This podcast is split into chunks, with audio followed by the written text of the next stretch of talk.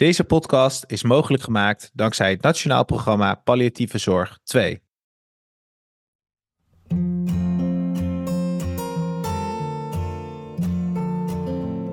Beste luisteraars, welkom bij een nieuwe aflevering van de Current Podcast. Mijn spreker van vanavond is Max de Waal, werkzaam bij Docendo, opleider voor uitvaart en postmortale zorg. We gaan van hem horen wat er allemaal komt kijken bij de zorg na het overlijden en hoe je zorg op maat levert voor de familie. Max, welkom. Ja, dank je. Ja, leuk om, uh, leuk om aan te sluiten bij deze podcast. Zeker. Ja, toch wel voor veel mensen en ook toch wel voor mijzelf een wat uh, onderwerp waar we niet vaak mee te maken hebben. Gelukkig. Uh, we, vorige, af, vorige podcast hebben we eigenlijk afgesloten met uh, hè, iemand is overleden, dan gaat het lichaam naar het mortuarium. En ik neem aan dat dan de uitvaartzorg wordt gebeld. Kan je, wat, wat, wat komt daarna? Ja, nou laat, laat ik beginnen inderdaad eh, bij overlijden in een zorginstelling uh, of een ziekenhuis. Uh, zijn, zijn er een aantal mogelijkheden. ziekenhuizen hebben eigenlijk in alle gevallen een mortuarium. Er is een, daar is ook een mortuariumbeheerder aangesteld. Dat kan of een externe partij zijn of intern. Dus dat medewerkers vanuit het ziekenhuis dat zelf doen. op het moment van overlijden, dan is er dus ook een procedure in een bepaald ziekenhuis. Met wie de overledene naar het mortuarium brengt of ophaalt. of daar familie bij aanwezig kan zijn. Ehm, dat, is, dat is eigenlijk even de eerste stap. Als je kijkt naar zorginstellingen, uh, die hebben niet altijd een mortuarium. Dus daar loopt de lijn vaak dat er gelijk in overleg met de nabestaanden wordt gekozen om een uitvaartonderneming te bellen. En die komen dan vervolgens naar de locatie om de overledene mee te nemen. Ook omdat er vaak in de meeste uh, verzorgingshuizen uh, en centra geen ruimte is om iemand bijvoorbeeld op te baren. Uh, dat dan zie heb je over verpleeghuizen, verzorgingshuizen. Verpleeghuizen, verzorgingshuizen. in de hospice dacht ik dat dat wel eens, dat dat wel vaker mogelijk is dat mensen, als ze zijn overlijden, daar nog even blijven. Uh, maar het is echt mm -hmm. per, ja, per instelling is het verschillend. Uh, ja, ja, ja. En um, ik heb je al een keer ge gezien bij een webinar. En ja. toen hebben we het ook over gehad dat het ook niet te lang moet duren voordat een lichaam uiteindelijk naar een mortuarium toe gaat. Hè? Ja, klopt. Het liefst binnen drie uur. nou, vanuit hygiëne, maar ook uh, nou ja, voornamelijk het hygiëneaspect, um, is besloten of is destijds besproken dat drie uur de termijn is waarbinnen het lichaam gekoeld moet worden. Um, dus in de meeste gevallen, uh, of er nou een ondernemer wordt ingeschakeld direct, of er nog een mortuariumbeheerder tussen zit, is het in die gevallen de bedoeling dat het lichaam binnen drie uur wordt gekoeld. Um, en dat kan in het geval dat er een mortuarium uh, aanwezig is, in het mortuarium. En op het moment dat iemand wo moet worden opgehaald door de uitvaartondernemer, dan heeft de uitvaartondernemer daar de middelen voor, ofwel in een eigen uitvaartcentrum, ofwel door middel van een bedkoeling of een kistkoeling of een andere vorm van koeling.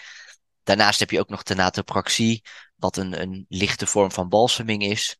Uh, dan is er geen koeling nodig, maar wordt het lichaam geconserveerd, dus eigenlijk goed gehouden um, uh, met behulp van, uh, van een een hele lichte vloeistof formaline. Die ervoor zorgt dat het lichaam maximaal 10 dagen wordt geconserveerd. Dus je hebt eigenlijk twee opties in. Maar als het om koelen gaat, binnen drie uur. Is toch de, is de wens. Ja, ja. En het is natuurlijk best een moeilijk moment voor familie om te bellen. Ja, want zeker. aan de ene kant zit ze net het slechte nieuws gehad. Um, ja, hoe, hoe, hoe probeer je direct alles uit handen te trekken? Of hoe zorg je dan toch dat je direct wat dingen aftast? Hoe uh, gaat dat? Ja, nou, wat je net zelf al aangaf, hè, de meeste mensen krijgen niet heel vaak met een overlijden te maken. Dat is aan de ene kant heel fijn, want nou, een overlijden is geen prettige gebeurtenis. Aan de andere kant maakt dat dat mensen er, dus weinig kennis van hebben. Um, en maakt dus ook dat communicatie met nabestaanden essentieel is. Um, omdat op het moment dat iemand is, is overleden, dan um, komt heel veel informatie ook al niet meer binnen bij nabestaanden. En zeker als het een onverwachte overlijden is. Of, um, het belangrijkste is dat, dat je de familie meeneemt in de stappen die er gezet moeten worden. Uh, dat doet niet alleen de uitvaartondernemer, dat doet niet alleen de mortuariumbeheerder, maar dat kan de verpleging op een afdeling ook al doen. Door goed te weten welke procedure geldt er eigenlijk in dit ziekenhuis of in deze instelling. Um, en daarnaast um, goed de familie, met de familie door te nemen van oké, wat hebben jullie hier al over nagedacht? Wat zijn eventuele wensen? Um, hebben jullie bijvoorbeeld al een uitvaartondernemer uitgekozen? In het geval van een instelling waar er direct met een uitvaartondernemer contact moet worden. Um, maar daarbij altijd wel in acht nemen dat het de keuze moet zijn van de nabestaanden. Dus ja, helpt het als er al van tevoren is over nagedacht? Jazeker, ja, er zijn echt mensen die hebben alles al vastgelegd. Nou, dat geeft de familie ongelooflijk veel rust. Omdat ze dan eigenlijk bij wijze van spreken een boekje kunnen overhandigen van nou, dit, dit is wat mijn dierbare wilde, voer het maar uit. Um, dat is het, nou ja, het ideale scenario, maar dat is een scenario waarbij nabestaanden gewoon rustig de tijd hebben om te rouwen en nou ja, de rest wordt geregeld conform wensen van de overledene. Maar in heel veel mhm. gevallen is er te weinig vastgelegd of geregeld. Ja, en dat, dat betekent dat de nabestaanden daar zelf achteraan moeten. en ook is er bijvoorbeeld een verzekering of niet? Um, kennen we een uitvaartondernemer die we goed vinden of niet? Um, hoe kom ik in contact met de mortuariumbeheerder van het ziekenhuis? Hè? Want um, ook voor die mortuariumbeheerder, ook die begeleidt de familie in het eerste stuk. En als iemand dus overlijdt in een ziekenhuis en die persoon wordt overgebracht naar het mortuarium, ja, dan mogen nabestaanden ook bij zijn. En de nabestaanden mogen heel vaak in het ziekenhuismortuarium ook helpen met de verzorging en met de handelingen die gedaan moeten worden. Maar dat moet je wel weten. Uh, en, en daar ligt echt een taak voor de verpleging om dat met die mensen door te nemen. Van ja, ik, hè, vader of moeder is overleden. Uh, er komt nu een moment dat, dat die persoon naar het mortuarium wordt gebracht. Maar weet, dit zijn de mogelijkheden. Uh, en wat wij toch vaak hebben ervaren, uh, is dat verpleging of verpleegkundigen uh, dat proces niet helemaal helder hebben. En daardoor soms of dingen niet vertellen, of vertellen wat niet helemaal klopt. en dat is zonde, Precies. omdat je daarmee een, toch een keuze maakt voor mensen. Ja, dat is natuurlijk wat het lastig maakt, is dat het ook weer per zorginstelling kan verschillen, hè? zoals je zeker. Zei. Ja, ja, zeker. En, en, nou, en bij, ziekenhuizen, ja. Nee, ja, bij ziekenhuizen is het dus vaak wel heel protocolair ingericht omdat er zeker in grote ziekenhuizen, uh, omdat ja, je gaat bijvoorbeeld ook niet zomaar met een overledene de gang op. Uh, dus daar zijn echt wel afspraken over wat is de route van de afdeling naar het mortuarium. Uh, hoe doe je dat? Op welke manier? nou, en ieder ziekenhuis heeft daar ook een eigen visie op. Um, en dat is in een zorginstelling ook. Alleen daar ja, heb ik de indruk dat er vaak wat meer ruimte is voor eigen invulling, omdat er direct met een uitvaartondernemer wordt gesproken. En dat is iedere keer iemand anders natuurlijk. Um, dan in een ziekenhuis waar de mortuariumbeheerder gewoon één en dezelfde persoon is. Of partij is. Ja, ja, precies. Ja, maar je wilt natuurlijk ook niet met een lijk zo door de centrale hal wandelen, nee, om zeker zo te zeggen. Nee nee, nee, nee, nee, En, eigenlijk, en eigenlijk in heel veel ziekenhuizen ook niet al met kisten al. Uh, van de Precies. afdeling af. Omdat het ook voor andere mensen in het ziekenhuis confronterend kan zijn. En ja, de dood hoort bij het leven, maar ik denk dat er inderdaad wel manieren zijn om het nou ja, zo respectvol mogelijk voor iedereen uh, te doen. Precies. Ja, en, een van de dingen die je noemde was het, het, het, wassen hè, van de overledene, dat de familie daarbij kan helpen. Ja, het verzorgen, ja. Ja, kan je er iets over, over vertellen wat daarbij komt kijken? Ja, zeker. Nou, we hebben het net even over koelen gehad. Hè. Koelen is natuurlijk uh, om het lichaam te conserveren. Koelen remt de ontbinding. Het stopt het niet, het remt de ontbinding en het ontbindingsproces. Dus hoe eerder gekoeld wordt, hoe, sorry, hoe eerder er gekoeld wordt, hoe beter dat is voor het lichaam. En dus hoe groter de kans dat een lichaam gedurende de periode tot aan de begrafenis of crematie uh, nou ja, toonbaar blijft voor nabestaanden. Overigens bepalen die daarin zelf ook hè, wat is toonbaar. Um, dus dat is het, koel, het koelproces. Uh, dan heb je uiteraard ook de verzorging van het lichaam.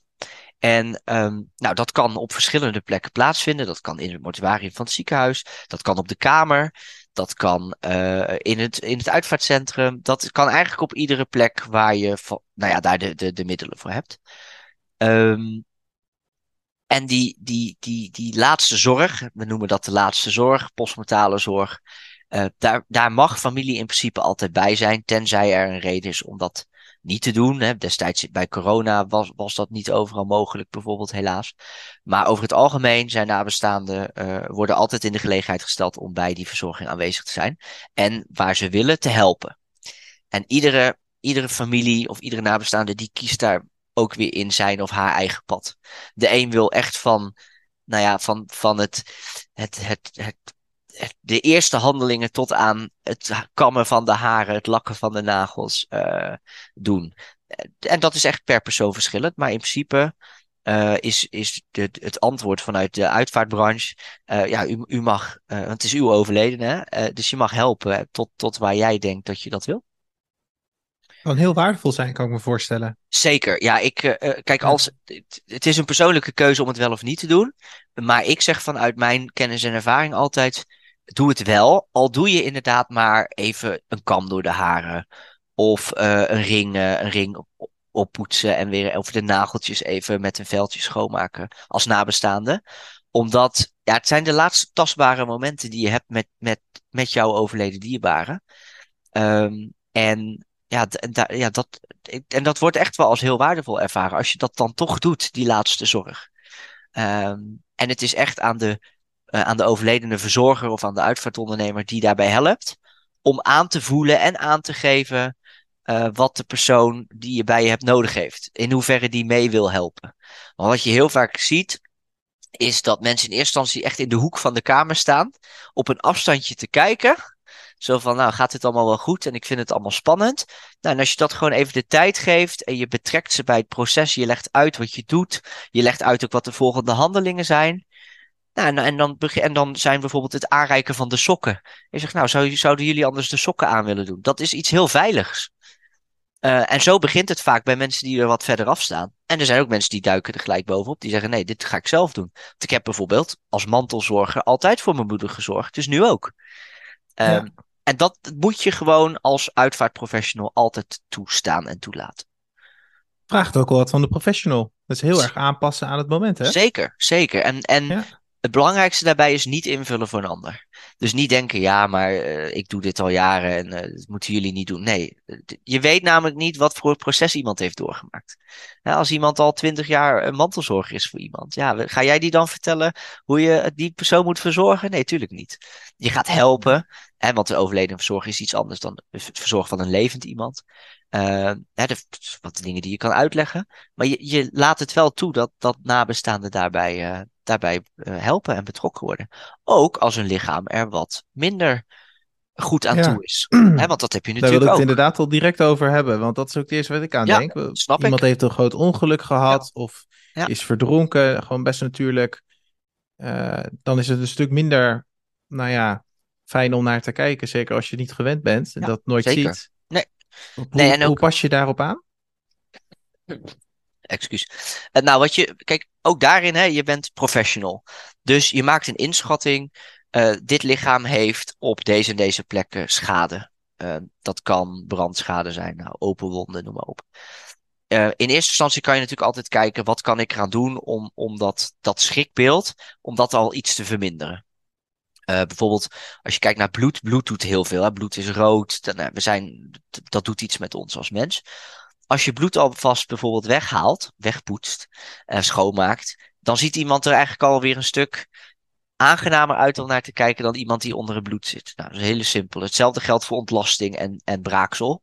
Als je dat alvast even weghaalt, ziet, ziet iemand er eigenlijk al gelijk een stuk frisser uit dan dat je dat niet doet. Eh, een gebit in kan soms echt al verschil maken tussen, oeh, het opa ziet er eng uit en hé, hey, dit is opa. Ehm, als je het echt hebt over de complexe gevallen, mensen die inderdaad eh, middels eh, zware auto-ongevallen om het leven zijn gekomen, om een voorbeeld te noemen, eh, dan ga je gewoon met die nabestaanden in gesprek. En ga je vooral proberen te achterhalen wat zij met bijvoorbeeld het helpen van de verzorging willen bereiken. Willen ze, willen ze er puur en alleen bij zijn omdat dat de constatering is van ja, dit is inderdaad hè, mijn, over, mijn overleden dierbare, want het is vaak een, een, een, een, eh, een geval waarin het natuurlijk niet bekend is dat iemand overlijdt. Dus het is heel plotseling. Mensen zijn geschrokken, willen zeker weten dat het om die persoon gaat. Dus als het echt een stukje identificatie is, ja, dan, dan kun je al andere dingen doen. Dan dat iemand zegt, ja, maar ja, het kan er zo, nog zo erg uitzien, maar ik wil er gewoon bij zijn. Ehm, en dan ga je gewoon goed met mensen in gesprek over wat ze te zien gaan krijgen. Wat eventuele oplossingen kunnen zijn voor bijvoorbeeld een open wond. En hoe je daar als professional mee omgaat. Ehm, ja, en ook daarin zeg ik altijd, ja, mensen kiezen daar zelf in wat ze wel en niet eh, willen. Ik, ik, ik, het wordt toch helaas nog steeds te vaak voor mensen bepaald. Uh, met alle goede bedoelingen, hè, want het, mensen doen het niet omdat ze denken, nou, dit, zal, dit moment zal ik eens ontnemen. Nee, het wordt uit een soort van, ja, maar die mensen kunnen dat niet aan. Ja, ze hebben al het slechtst mogelijke nieuws gehoord, en dat is dat iemand is overleden. Dus dat ze dan niet Mhm. aan zouden kunnen dat iemand er niet helemaal fris uitziet, ja, dat, dat durf ik echt wel te, te betwijfelen. Het gaat er nogmaals om, hoe begeleid jij als professional die nabestaanden bij een eventuele confrontatie of, eh, of de verzorging van een lichaam wat gehavend is. Eh, want daarin kun je zelfs ook nog zeggen, als bijvoorbeeld oude mensen van in de negentig of met een slechte huid, die kunnen bijvoorbeeld ook de huid makkelijk loslaten. Dat kan ook gewoon bij iemand zijn die thuis overlijdt. Jij ga je dan ook zeggen van ja, doe maar niet helpen met de verzorging, want voor hetzelfde geld laat de huid los. Nee, dat, je, je kan Nee. het vertellen, maar je, zegt dan niet bij voorbaat van ja, maar je mag niet meer helpen of niet meer naar het lichaam kijken. Dat, dat, dat gaat een stap te ver in mijn ogen. Ja, precies. Nou, mooi om eh, toch iedere keer weer de, de communicatie eh, te zoeken en eh, te kijken wat kan. 90% is communicatie. Ja, Ja, wat, ja. wat voor verzoeken krijg je nog meer? Nou, dat, familie. ja, soms, nou ja, er zijn echt mensen die willen echt alles. Die willen van, van boven naar beneden alles meemaken en eigenlijk gedurende het hele proces meelopen. Nou, dat kan. En er zijn soms momenten dat dat niet kan. Nou, dan ga je daar ook over in gesprekken van, nou, op dit moment, dit stuk kan even niet. Ehm, Kan je het iets concreter maken? nou, als je bijvoorbeeld het crematorium hebt, ehm, eh, mensen mogen mee tot aan de invoer van de oven. Eh, maar daarna is het proces eh, afgesloten. Eh, je kan dan de, de, de, urn met de, de, de urn met de as ophalen. Maar het proces na de crematie zelf, ja, dat is, dat is een proces, daar kan je als nabestaande niet, niet, niet bij zijn. Ehm, Nee. dat, dat heeft ook geen toegevoegde waarde. Maar dat zijn, nou ja, zulke technische zaken. Dan is de vraag wat je, nou, wat je daarmee mee bereikt, niet zoveel. Eh, nou, en, en zo zit ook hè, in het vervoer. Ja, tuurlijk mag je meerijden in de, in de rouwauto. Eh, Maar je kan niet met z'n vier in de rouwauto, want dat past niet. Hè, dus ook daarin ehm, ga, leg je wel uit van oké, dit zijn de stappen. Nou, we hebben tegenwoordig ook de rouwbus. Hè, dan wordt de kist in een bus gezet en daar past een man of 15 of 20 in. Dus, eh, maar dat moet je dus als uitvaartprofessional weten, zodat je als je echt merkt van ja, maar deze familie gaat, gaat die nabestaande geen seconde, of die overledene geen seconde loslaten. Nou, dan zijn dit oplossingen. Wat Eh, creatief om dan ja, een bus... eh, ja, het is ja. tegenwoordig, je hebt de rouw Tesla en de rouw bus en ook de rouw eh, motor met zijspan. Er zijn echt genoeg een motor met zijspan? Een motor met zijspan heb je ook, ja. ja. Oh jee, nou, na deze podcast is er ineens een run op. eh. Ik, dat, dat durf ik niet te zeggen, maar ja, de mogelijkheden zijn eindeloos. En, ik, en wij pleiten daar ook binnen onze opleidingen voor. Je moet die kennis als uitvaartondernemer of als uitvaartprofessional, die moet je gewoon hebben. Want het kan niet zo zijn dat nabestaanden tegen jou moeten zeggen dat er dus een motor met zijspan eh, mogelijkheid is. Dat moet je weten. Eh, en dat moet je aanbieden Precies. als je denkt dat past bij deze familie. Ja, want wat, wat hebben we? We spreken nu elkaar, maar hoe kunnen patiënten eh, eh, naast eh, überhaupt een beetje van deze informatie krijgen? Nou, wat je, wat je veel ziet is dat er steeds meer uitvaartondernemers zijn die al aan de voorkant eh, dingen mogelijk maken. Zoals een, een voorgesprek met een uitvaartondernemer. Dat is vaak een vrijblijvend gesprek. Kun je ook kijken of je een klik hebt met iemand. Je kan je uitvaartwensen vastleggen. Dat kan op papier, maar dat kan ook digitaal. Eh, in ziekenhuizen is altijd informatie middels brochures te vinden over het mortuarium. Ook over de, nou ja, wie het mortuarium beheert, eh, wat, nou, wat bijvoorbeeld tarieven zijn. Je kan alles vinden eh, als je wil. Eh, en dat geldt overigens ook voor verpleging en verpleegkundigen, artsen. Eh, als die nu luisteren en denken, ja, hoe zit, is dat eigenlijk in mijn ziekenhuis geregeld? Op iedere afdeling liggen informatieboekjes over het mortuarium. Ehm, en over nou ja, wat de procedures zijn, wie ze eventueel kunnen bellen, en noem het maar op. Dat zal in verpleeghuizen ook zo zijn. Ehm, ja, en, en de consument, noem ik het maar even, die kan online eh, eigenlijk alles vinden. En dus ook in een vroeg stadium al, eh, al regelen, vastleggen en, eh, en zichzelf informeren. Ja. Ga, ga ik toch de vraag stellen, want die hangt al een Ja. tijdje boven. Maar, Hoe vaak krijg je te horen, waarom doe je dit werk? Nou, ik, ik, ik doe dit nu denk ik 15 jaar alles bij elkaar in verschillende posities. Ja, ik denk nog steeds iedere week. ja, waarom, waarom wil je dit? Ja, nou, Ja. dit wil je omdat het is een ontzettend mooi vakgebied. Ehm, mensen zeiden vroeger ook altijd van ja, ik vind het zo knap dat je dat doet. Ik zei nee, knap is wat een ambulancebroeder doet. En want dan leven mensen nog. Uh, dat vind ik knap. Uh, wat een brandweerman moet doen, dat vind ik knap. Iemand uit een auto knippen terwijl die persoon nog leeft. Hè? En dan pak ik even de extreme gevallen, omdat mensen ook graag naar de extreme gevallen van de uitvaart kijken. Maar uh, het is ongelooflijk dankbaar. Het is heel mooi werk om te doen. Ehm, en, ik, en zelf vind ik het heel fijn en prettig om te merken dat de branche um, zich ook steeds verder professionaliseert. Uh, het is, er komen steeds meer richtlijnen, steeds meer keurmerken, uh, steeds, meer, steeds meer samen. en dat is denk ik belangrijk voor, voor zo'n ongelooflijk belangrijk iets wat qua overheidsregulering totaal is losgelaten. dat de branche zich daarin wel nou ja, dat zelf doet en daarin ook echt stappen neemt. En zeker als ik daarin kijk eh, naar de opleidingen die, die wij eh, zelf verzorgen. Nou ja, daar zit een examen aan vast, daar zit permanente educatie zit daarachter. Dus je ziet dat daar ook in stappen worden genomen en blijven worden genomen. En dat mensen dus ook bijvoorbeeld steeds vaker opleiding volgen. In tegenstelling tot vroeger, waar men maar gewoon aan de slag ging. Wordt, wordt ook aandacht ge gebracht aan de, hè, aan de duurzaamheid van het personeel en over iets van intervisie of het bespreken van moeilijke gevallen? Ja, zeker. Kijk, ik, ik kan natuurlijk niet voor, uh, voor, voor andere organisaties spreken. Maar een van onze zusterorganisaties die mortuariumbeheer doen, die hebben daar gewoon, daar zijn gewoon processen en protocollen voor.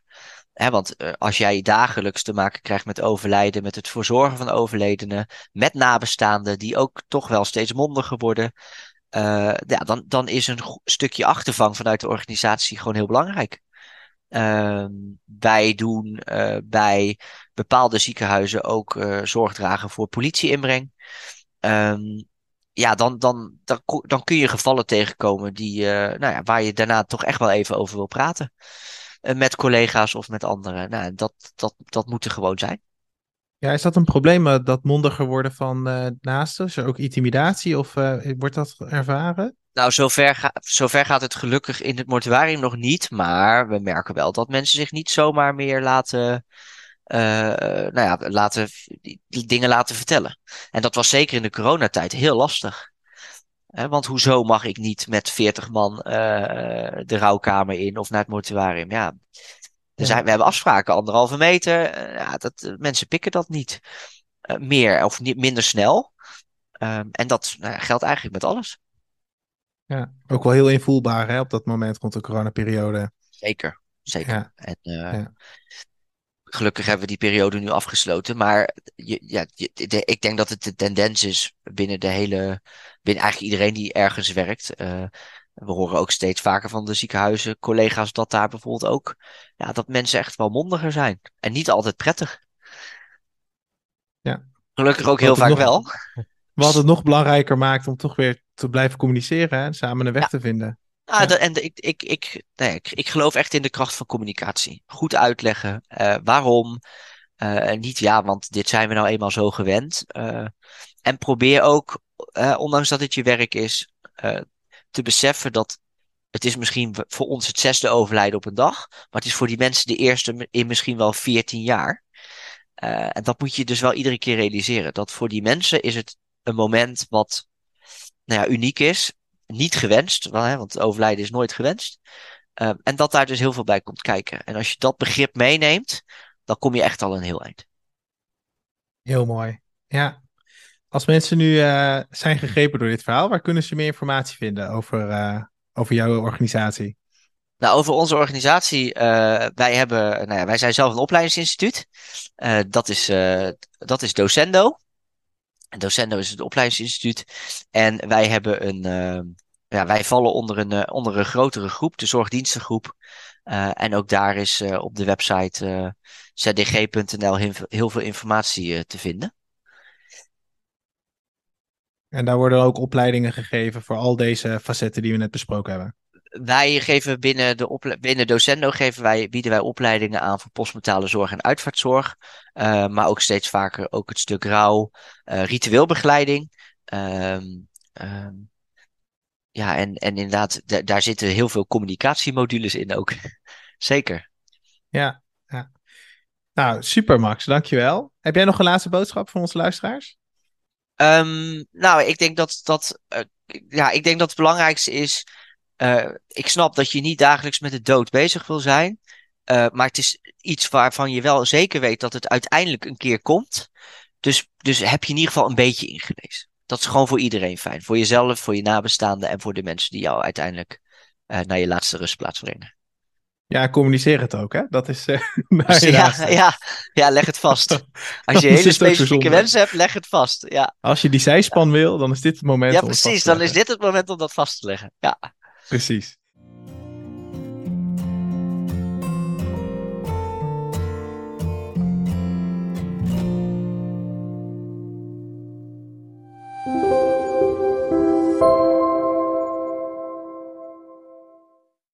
Deze podcast zou niet mogelijk zijn zonder onze samenwerkingspartner, het Nationaal Programma Palliatieve Zorg 2 van Stichting Palliatieve Zorg Nederland. Zij maken kennis en ervaringen beschikbaar via de websites overpalliatievezorg.nl voor patiënten en palliaweb.nl voor zorgverleners. Tot volgende week.